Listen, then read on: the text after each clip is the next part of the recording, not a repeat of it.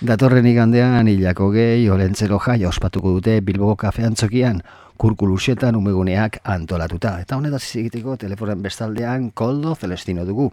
Kurkulusetan umeguneko arduraduna. Egunon koldo? Egunon, bai. Lehenik eta behin, olentzero klasiko bat data hauetan. Bai, eta suposatzen dut ja gutuna idatzeta daukazula, ez? Zibestela ez dauparik egongo.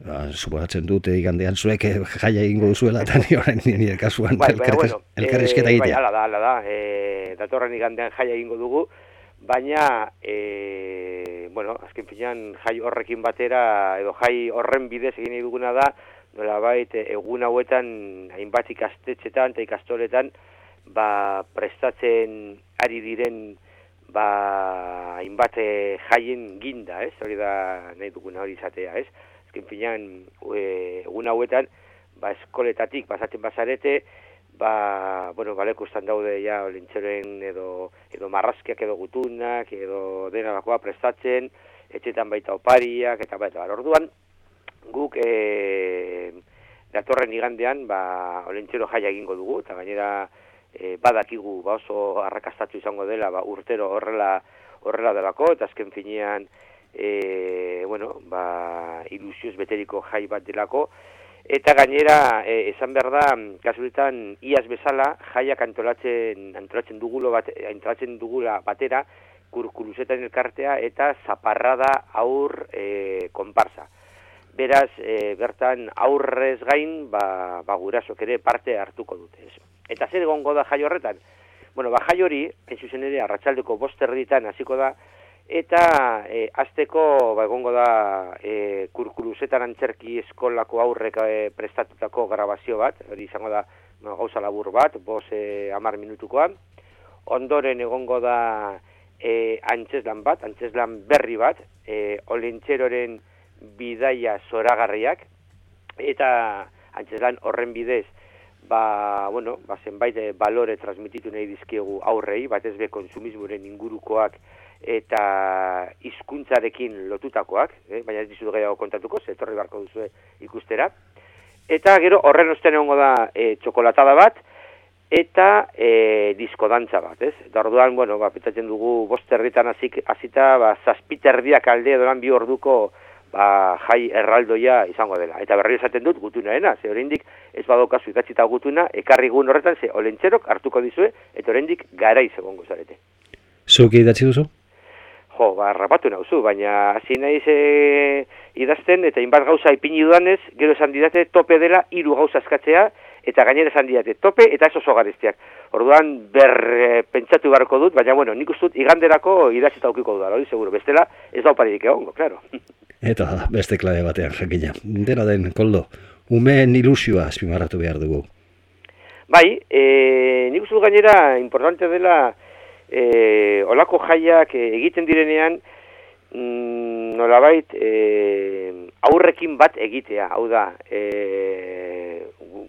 ezakit, elduen kontua esaten dazkotan ba, e, ezakit, ilusioan nolabait aurre, oza, aurrek bakarrik e, e, edo aurrentzako jaia antolatzea edo haientzako e, ospakizun bat izatea. Eta oso importante dela, nolabet, gauza konpartitu bat izatea, partekatu izatea, azken finean, ba, bai umeak, bai guraso, bai zenidiak, bai talagunak ere, e, bueno, ba, parte hartu beharko genuke jai honetan, azken finean beti ere, gogoratuz jai hau dela, e, bueno, ba, jai bat olentxero dela ikur bat, baina olentxeroekin bater, batera dago marido mingi daude pertsonei batzuk, mitologiako pertsonei batzuk, eta beti ere gogoratuz, ospatzen ari garena, dela, ba, hori, ziklo bat amaitzen dela, hau da, e, urtaro bat e, amaitzen dela, urtaro horrekin batera, gainera laster, urtea ere amaituko dela, eta e, beste ziklo baten sartzen garela. Ez? Nik uste hori dela importantena, nola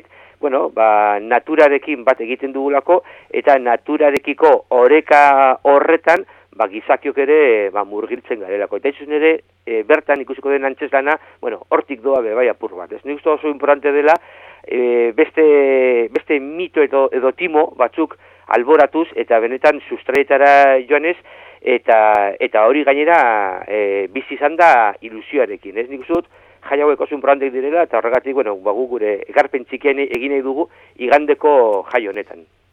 Olentzero jaia esan duzun bezala atorren igandean, hilaren hogeian, Bilboko kafe antzokian, altzaldeko bost arditan hasita eta sarrerak bost euro. Hori da, bai. Bost euro, e, ume, bueno, iru urtetik horre horrenduko dute, eta, bueno, e, pentsatzen dugu ez dela sarrera garestia kontuartu gero txokolata egongo dela, bi orduko saio izango dela, eta, eta bueno, nik uste dute alegintzo hori egitea posible dela. Honen inguruko informazio gehiago lortzeko egun interneten jakina. Bai, alaze da, e, kafeantxokeren e, web gunean, ze gure hain zuzen ere momentu horretan dago lanean, ze berrizten ari gara, eus dominio barruan sartzeko, eta oran gurean momentu horretan dago palizatu. Orduan, informazio guztia, kafeantxokeren e, web gunean egongo da.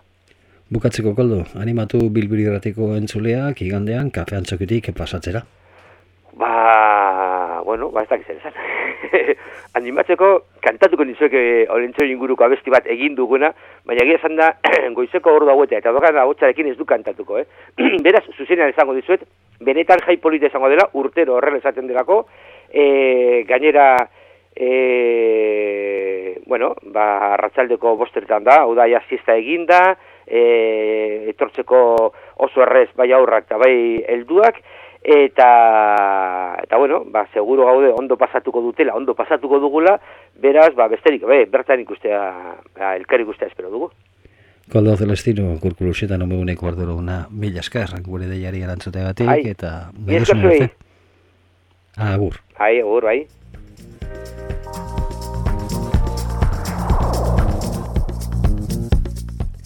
Dakizunez lagunak datorren larun batean, hilaren emeretzian, Ruper Ordorika izango dugu Bilbo Kafe Antzokian. Gaueko marretan hasiko da kontzertua, eta guk Ruper ikusteko bizarrera ditugu sosketa gai. Nola? Ba, gure WhatsAppen bitartez, eta gure WhatsApparen e, zera, ezenbakian ondago, ba, bilbuiria.eu zen. Berriro izango dut, Ruper Ordorika ikusteko bizarrera sosketa gai. Bilburia.eu zen, hor duzue gure WhatsAppen zenbakia, Deitu eta sorte on!